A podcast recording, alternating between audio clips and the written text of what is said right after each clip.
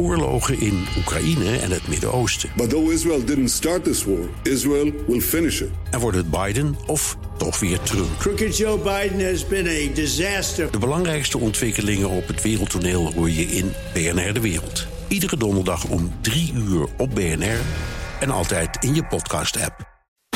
BNR Werkverkenners wordt mede mogelijk gemaakt door BrainNet. BrainNet voor zorgeloos en professioneel personeel inhuren. BNR Nieuwsradio. Werkverkenners. Rens de Jong. Weet je nog? 2008? Donkere wolken pakten zich samen boven de arbeidsmarkt. Bedrijf na bedrijf viel om en werk was echt niet meer te vinden. En toen kwamen de crisis-ZZP'ers. Na 200 sollicitatiebrieven toch maar een inschrijving bij de KVK. Nu, ruim 10 jaar later, is het 180 graden anders. Het zonnetje schijnt, wolken zijn nauwelijks te zien, werk is er zat. Wat ik me afvraag, levert dat dan ook andere ZZP'ers op? Wat betekent dat voor hun succes? Deze BNR Werkverkenners gaat over ZZP'ers in de crisis en nu.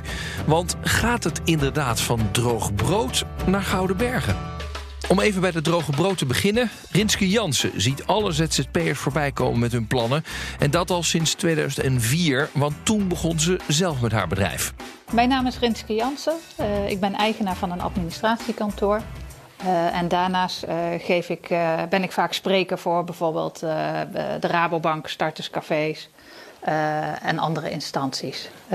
daarnaast heb ik ook het boek Startersgids voor ZZP'ers geschreven. En sinds wanneer ben jij al in dit vak bezig? nou, in eerste instantie natuurlijk niet als zelfstandige. maar het vak doe ik echt al heel erg lang. Uh, en ik ben uh, rond 2000, oh, wel diep nadenken, ik denk rond 2004 begonnen. Oké. Okay. Dus je hebt de hele, de hele crisis heb je ook meegemaakt met al die ZZP'ers die opeens op de markt kwamen? Ja, zeker. Ja. Wat voor ZZP'ers trof je aan in 2008?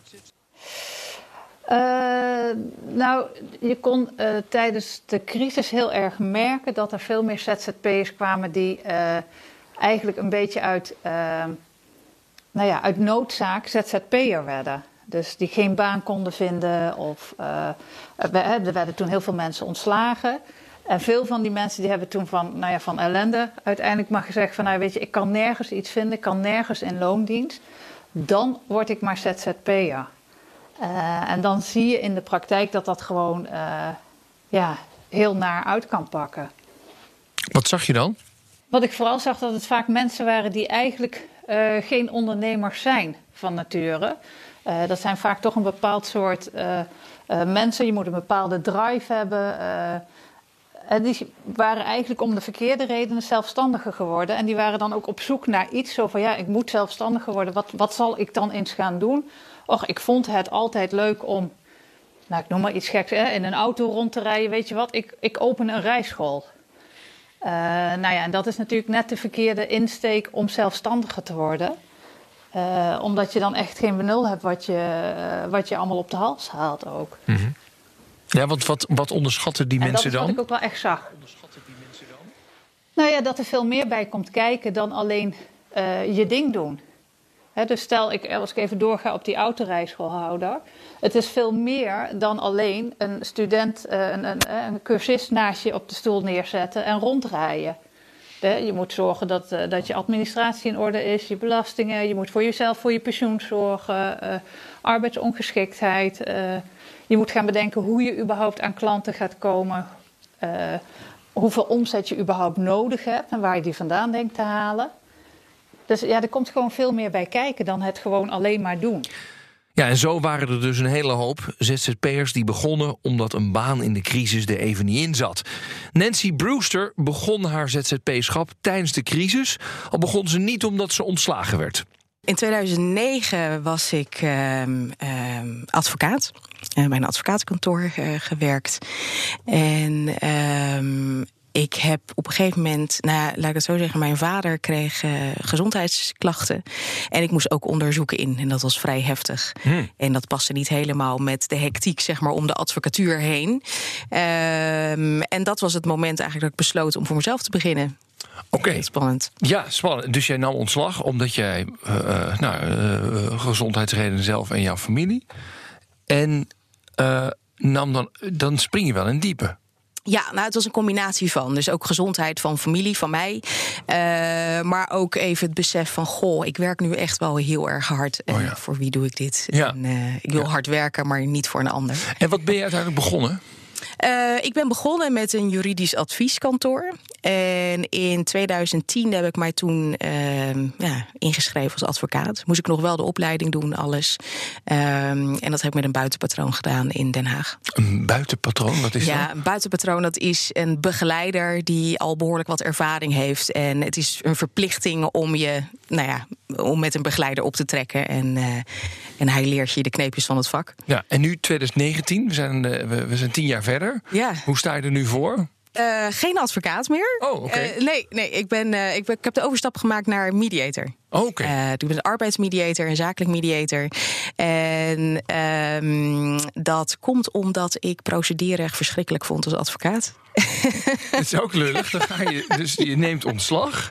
Je denkt, ik word advocaat. Je gaat dat ja. leren. En pas daar daarna kom je ja. achter... God, dat procederen is eigenlijk heel vervelend. Ja, ja, ja. nou, ik vond, ik vond op zich het, het praten en uh, voor de rechter staan... vond ik hartstikke leuk. Alleen het processtukken schrijven, dat, dat vind ik iets wat, wat ik echt... Nee. Ja, dat was verschrikkelijk. Oké, okay, dus dat heb je een aantal jaar gedaan. En toen dacht je, oké, okay, ik, ik stap over naar het mediatorschap. ja. Nou, je hebt nu een idee over hoe die ZZP'ers destijds begonnen. Tijd om de cijfers erbij te halen. Daarvoor heb ik Leontien Treur uitgenodigd, econoom bij de Rabobank. Zij duikt in de cijfers met mij en ze ziet dat er sinds de crisis heel wat ZZP'ers zijn bijgekomen. Ja, absoluut. Uh, ik heb zelfs uh, 15 jaar teruggekeken, want ja, heel veel CBS-statistieken beginnen toevallig bij 2003. En dan zie je ook mooi het verschil voor en na de crisis. En eigenlijk zie je gewoon helemaal geen verschil. Je ziet gewoon een gestage stijgende lijn. Uh, iets van 630.000 ZZP'ers in 2003 en 1,1 miljoen uh, nu. Ja. Uh, dan tel ik even alleen de mensen die dus echt hun belangrijkste inkomen daaruit halen en niet de mensen die het als bijbaantje doen. Maar dat is dus bijna een verdubbeling. Ja, dat gaat heel hard. Ja. Ik zag wel een heel klein. Ik heb de cijfers van het CBS er ook bij gepakt. In de crisis zie je een heel klein bupje omhoog, zeg maar. Maar of is, vond jij dat... Ja, kijk, jij bent een statisticus. Dus, ja. Of zeg jij van, oh, dat is eigenlijk gewoon heb, precies ik, de trendlijnen... Hoeven, hoeven over dit hupje hoef je geen zorgen ik te maken. Ik heb me niet uh, inderdaad uh, gekeken naar of dat nou een significante afwijking is. Maar ja. uh, als je een recht lijntje naast legt, dan is het niet echt een hele Nee, het is niet een enorme afwijking. Nee, nee een gewoon beetje. Ieder jaar zijn er gewoon meer mensen gestart als ZZP'er dan gestopt. Ja, ja, ja. dus ook, ook, kortom, dus dat is gewoon een, ja, stijgende lijn absoluut. omhoog. Ja. Um, de vraag is dan: zijn die mensen na een aantal jaar ook nog ZZP'er?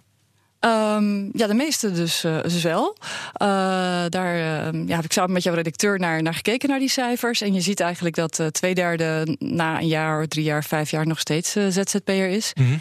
En de meeste blijven ook ZZP'er, dus zonder personeel. En er zijn er maar weinig die dan uiteindelijk na een paar jaar wel personeel aannemen. Dat zijn er geloof ik maar 6 procent. Hm, ja, en uh, want een aantal jaar geleden was er minder werk, hè? maar veel minder werk. Ja. De, de economie is nu. Zie je dat dan, hoe zie je dat terug? Ja, nou dan moet ik eigenlijk zeggen dat mijn collega's daar onderzoek naar hebben gedaan. Dus ik ben een beetje nu uh, aan het pronken met andermans sferen. Uh, wat je ziet, dat is eigenlijk een werknemer die heeft gewoon een vast contract met een vast aantal uren en een vast salaris gemiddeld. En dan is het een beetje zo'n alles of niets verhaal. Dus als het goed gaat met de economie, zijn er veel werknemers. Gaat het slechter, dan zijn er minder. Dan loopt de werkloosheid op. En bij ZZP'ers zie je dus eigenlijk helemaal geen effect van uh, het gaat beter of het gaat slechter met de economie. Wat je dan ziet is dat eigenlijk een aanpassing zit in het aantal uren wat ze werken of hun tarieven.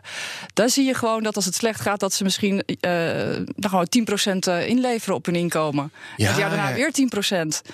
Ja, ja oké. Okay, dus eigenlijk, want normaal gesproken, dit, dit gestage lijntje omhoog.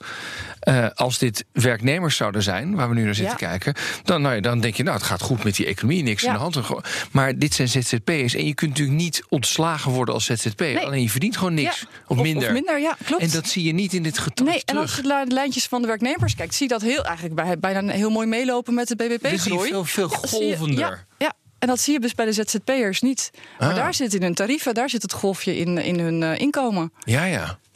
Ja, dus dit is eigenlijk, als we willen kijken hoe goed gaat het met die ZZP'er, dan is het het verkeerde grafiekje om te Moeten we kijken niet naar naar de- van hoeveel zijn er eigenlijk in moet niet Nederland. kijken naar de poppetjes, maar naar het geld. Ja. Nee, en ik, zijn daar wel cijfers over? Ja, die zijn er ook. Vertel. Ja. Dan pak ik ze er wel even bij, want eh, ik heb ze niet helemaal uit mijn hoofd.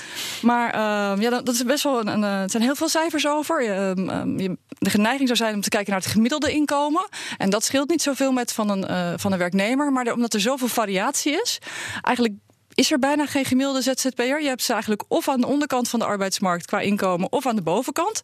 Dus het gemiddelde zegt niet zoveel. En daarom zie je ook dat het mediaan, de mediaan ligt echt onder dat gemiddelde. Dus de, de mediaan betekent de helft verdient meer en de andere helft minder. En dat ligt echt ver beneden modaal. Dat was voor 2017, dat is het laatste jaar dat we dan eh, cijfers hebben, was dat ongeveer 26.000 euro per jaar wat een ZZP'er uit zijn eh, ZZP-schap verdiende. Maar even dat mediaangetal, dat wordt altijd wel door allerlei eh, partijen gebruikt om te zeggen het gaat heel slecht met de ZZP'ers in Nederland. Jij zegt eigenlijk zegt dat mediaangetal niet zo nou heel ja, veel. juist wel. Dus de het mediaan zegt eigenlijk iets meer dan de gemiddelde. Oké. Uh, want dat de gemiddelde altijd be- beïnvloed wordt door, door uitschieters. Dus uh, zeg maar Ah, dat jij hier met, uh, met 100 journalisten staat. Mhm. En dan komt er de, de, de CEO van, van Shell komt binnenlopen. Dan gaat het gemiddelde salaris gaat ineens heel erg omhoog. Mhm. Maar het mediaan verandert niet. Aha, oké. Dus het is juist goed om te kijken naar het Altijd goed mediaan. om te kijken naar de mediaan. Eh, Maar als wij dus weten dat het mediaan inkomen van een ZZP'er 26.000 euro per jaar is, Ja. dat is niet veel. Nee, dat- want dat is uh, bijna 10.000 euro onder een, uh, dat van een werknemer. Ja.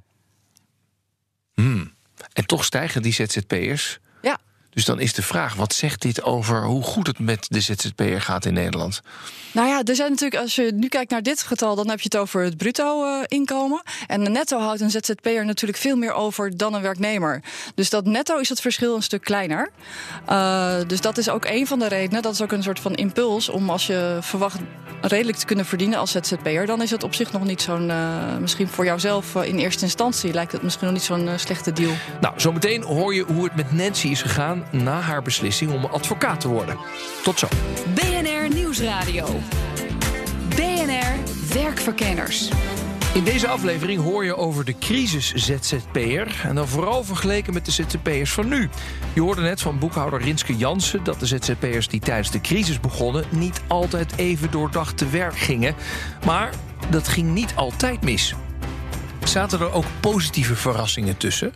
Uh, dat je uh, mensen die inderdaad ja. door de crisis uh, ZZP'er werden. en opeens nou, allerlei kwaliteiten hadden die ze van tevoren niet hadden bedacht. Ja, zeker. Ja, ja.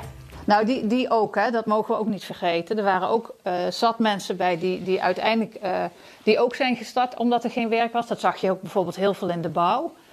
Uh, de mensen uit de bouw hebben in de crisis ook echt hele zware tijden gekend. Omdat zij toen ook ontslagen werden. En toen hoorde je ook vaak van werkgevers die zoiets hadden van... ja, ik wil jou niet in loondienst hebben, maar ik wil wel dat jij als ZZP'er komt. Simpelweg, omdat voor hun ja, was het risico ook te groot, want zij wisten ook niet of zij een dag later nog werk voor ze hadden. en heel veel bouw, mensen uit de bouw zijn toen als ZZP'er begonnen.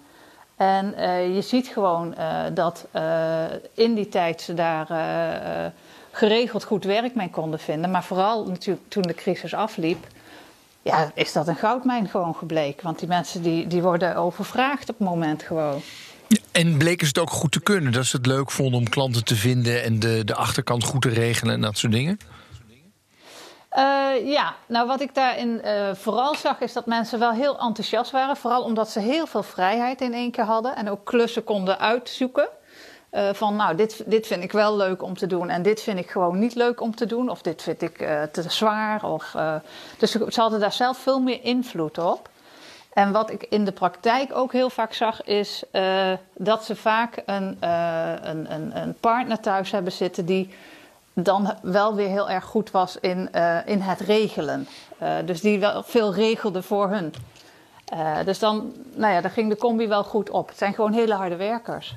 Ja, dus ook met een niet mega doordacht plan kunnen sommige ZZP'ers gewoon succesvol zijn. En als Nancy eerlijk is, dan had ze zelf ook niet een heel sterk plan toen ze begon. Heb jij het gevoel dat je niet doordacht aan de gang ging? Of zeg je nee, ik had wel echt een helder idee van wat ik aan het doen was? Het is een beetje dubbel. aan de ene kant heb je wel een idee. Tuurlijk, je hebt ideeën over hoe je je bedrijf wil opzetten en, en wat je leuk vindt en, en hoe je in je hoofd hoe je dat wil gaan aanpakken. Maar in de praktijk is dat zo anders. Dus Ja? als ik achteraf moet zeggen, had ik enig idee nee. Nee? Wat, Nee. wat viel je op? Wat valt op? Nou, je hebt een, een beetje een ideaalbeeld van... goh, ik kan lekker mijn werk doen en ik kan doen wat ik leuk vind... en je vergeet gewoon je hele acquisitie en achter cliënten aanrennen natuurlijk. Dus dat, dat, is, dat is andere koek. Ja? Ja. En dat heb je heel erg onderschat? ja, ik denk het wel. In het begin wel, ja, zeker. Eh, Je, je denkt van, goh, nou, dan ga ik morgen lekker eh, mijn werk doen... en dan ga ik cliënten helpen en eh, bijstaan. En je vergeet dat je die cliënten ook nog binnen moet halen. Je denkt toch als ZZP, nou, ik zet de deuren open en dan komen ze wel binnenwaaien. Ja, denk je dat ja, echt? Absoluut. Maar hoe, ik vraag me dan af, hoe, hoe, het is toch wel naïef te noemen, toch, dit? Ja, aan de ene kant wel. Aan de andere kant heb je wel het gevoel van... goh, ik ken wel wat mensen... of ik ga een beetje uit mijn kennissenkring putten. Maar ja, inderdaad. Ik, ik, denk, ik denk inderdaad redelijk naïef. Nou ja, en naïef over het feit dat je, dat je er echt hard aan moet werken... om ze binnen te krijgen. En ik denk dat je eerlijk gezegd nooit eerder... over marketing en sales goed hebt nagedacht. Ehm, natuurlijk kijk je vooraf wel naar bepaalde bronnen... waar je cliënten uit kan halen, maar... Nee, commerciële klanten, dat is een ander verhaal. Ja. Ehm, als je het nu opnieuw de stap zou zetten. Dus stel je voor, 2019, je zit nog steeds in een vaste baan... en je gaat nu weer opnieuw beginnen. Wat zou je dan anders doen? Ehm, ik zou nu wel vooraf eh, veel meer aan mijn marketing en sales eh, doen. Vooraf goed laten inlichten. Kijken hoe het met social media werkt. Ehm, eh, de juiste mensen om je heen vergaren. En dat is, dat is altijd een uitdaging. Ja. En, en, en heb je dat sales dan ook echt moeten leren, bijvoorbeeld? Ja. Ja? Ja, ben ik nog steeds niet goed in. Het is wel, dat is wel een kwetsbaar punt dan, als je Ja. ZZP'er bent. Nee, absoluut. Maar daar heb ik een hele fijne vriendin voor die, eh, die me daarbij helpt. En eh, eh, wat ik ook nou ja, in de afgelopen jaren heb geleerd, is dat het heel fijn is om met mensen te sparren. ZZP'er, je bent alleen, is redelijk eenzaam. En echt de juiste mensen om je heen hebben is. ja. Ja. Oké, dus jij, ehm, even terug naar in de tijd weer.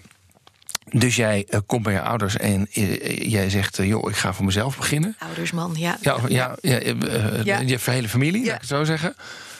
De reacties waren Negatief. negatief. Hoe heb je ze... Heb je ze daarna nog proberen te overtuigen? Zo van, nou ja, maar dit is echt een goed idee. Of dacht je, nou ja, jongens, wat jullie allemaal denken, het maakt me niet erg uit. Ik ga, ik ga dit doen. Laatste. Zeker. Ja. Ja. En dat was, ehm, dat was heel spannend. Ehm, ik had zelf zoiets van, nou ja, ik, ik probeer het in ieder geval een half jaar en dan zien we wel. Mhm. Eh, je kan altijd nog solliciteren. En het was crisis. Dus een beetje schijnzekerheid van bij een werkgever gaan zitten. Want iedereen viel om. Dus ja. ehm, Dacht je, nou, dan kan ik het net zo goed zelf ja, doen. precies. Oké, goed. Hoe is het daarna met jou gegaan? Ehm, heel goed. Eh nou ja, advocatuur ingegaan, dus mijn eigen kantoor gestart. Eh, van daaruit mediation eh, gaan doen. Cliënten-wise, omzet-wise. Ja, ik heb het geluk gehad. Nee, ik heb hiervoor natuurlijk in de advocatuur gewerkt. En daar heb ik ehm, eh, ja, bekende mensen ontmoet. Wat uiteindelijk een hele leuke, grote opdrachtgever van mij werd. En van daaruit ontzettend veel geleerd en kunnen doen. Dat, was, dat was heel mooi. Ja, ja. Dus, de- dus, dus uiteindelijk eh, ging het goed. ja. Ehm, ehm, maar is dat één opdrachtgever geweest? Of? Nou, het begon eigenlijk met die ene. En van daaruit eh, kwamen er meer bij. Je wordt, eh, het geluk is geweest dat het eh, een, een, behoorlijk actieve club was in het ondernemingsrecht. En nou, dat was ook mijn specialiteit. Mhm. En van daaruit word je zichtbaar voor andere partijen natuurlijk. En ja, die benaderen je. ja, zo gaat het Juist. balletje dan rollen. Hè? Ja. En heb je al personeel nodig? Ik heb personeel gehad, ja. En? Ja, is me niet bevallen. Niet? Nee. Waarom niet? Nee. Nou, eh, en, en misschien is dat ook vrij naïef, maar je hoopt eigenlijk dat je werknemers krijgt die net zo eh gecommitteerd zijn aan het vak als jij zelf. En dat is, dat is bijna nooit het geval. Dat, dat is echt een gelukje als je dat hebt. Ja. Ja. Dus dat is, eh, dat is ja. En hoe los je het nu op? Met andere ZZP'ers samenwerken. Of in ieder geval andere ondernemers. Die staan er toch hetzelfde in. Eh, in ieder geval gepassioneerd en ook met een bepaalde mate van commitment, zeker. Ehm, en ook met een, en, dezelfde mindset. Schouders eronder en gaan. Ja, uiteindelijk komt Nancy dan gewoon ook weer bij andere ondernemers uit om mee te werken. Nog even terug naar die crisis-ZZP'er. Hebben die nou een langdurige florerende business opgezet of niet? Boekhouder Rinske ziet dat niet echt in haar praktijk. De mensen die, uh, nou ja, die het doen omdat ze niks anders uh, voorhanden hebben, die gaan zelf ook heel snel weer terug als er wel weer andere mogelijkheden zijn. Hm. Dan gaan ze gewoon weer een loondienst. Even naar het nu toe. Um, met welke motivatie beginnen mensen die nu ZZP'er willen worden? Uh, wat ik het meeste terughoor is dat ze uh, het gevoel van vrijheid wat het geeft. En, uh, of dat ze zoeken naar een nieuwe uitdaging. dat ze denken van god, ik, ik, ik doe het nu al zo lang. Ik, nou ja, ik zoek een nieuwe dimensie erin. Ehm, of dat het een wens is waar ze altijd al mee rond hebben gelopen. Dat, dat hoor ik ook wel geregeld. Ja. Zo, en merk... Ik wilde dit al jaren doen en nou ja, dan durven ze het in één keer. Ja. En merk je dat uh, die mensen dan ook succesvoller zijn dan de, de, de crisis-ZZP'ers, zeg maar? Uh, ja, omdat het denk ik ook komt dat het een meer een, een uh, bewuste keuze is die mensen maken. Ze kiezen er echt voor en ze zijn vaak beter voorbereid, hebben een gedegen plan vaak liggen. Terwijl uh, in de crisis zag je echt dat, dat mensen het echt als, ja, als noodgreep deden. Zo van ja, er is niks anders. Hm. Maar goed, uh, een goed plan hebben is nog niet een goed plan uitvoeren. Zie jij veel ZZP'ers daar nog een beetje op struikelen of niet?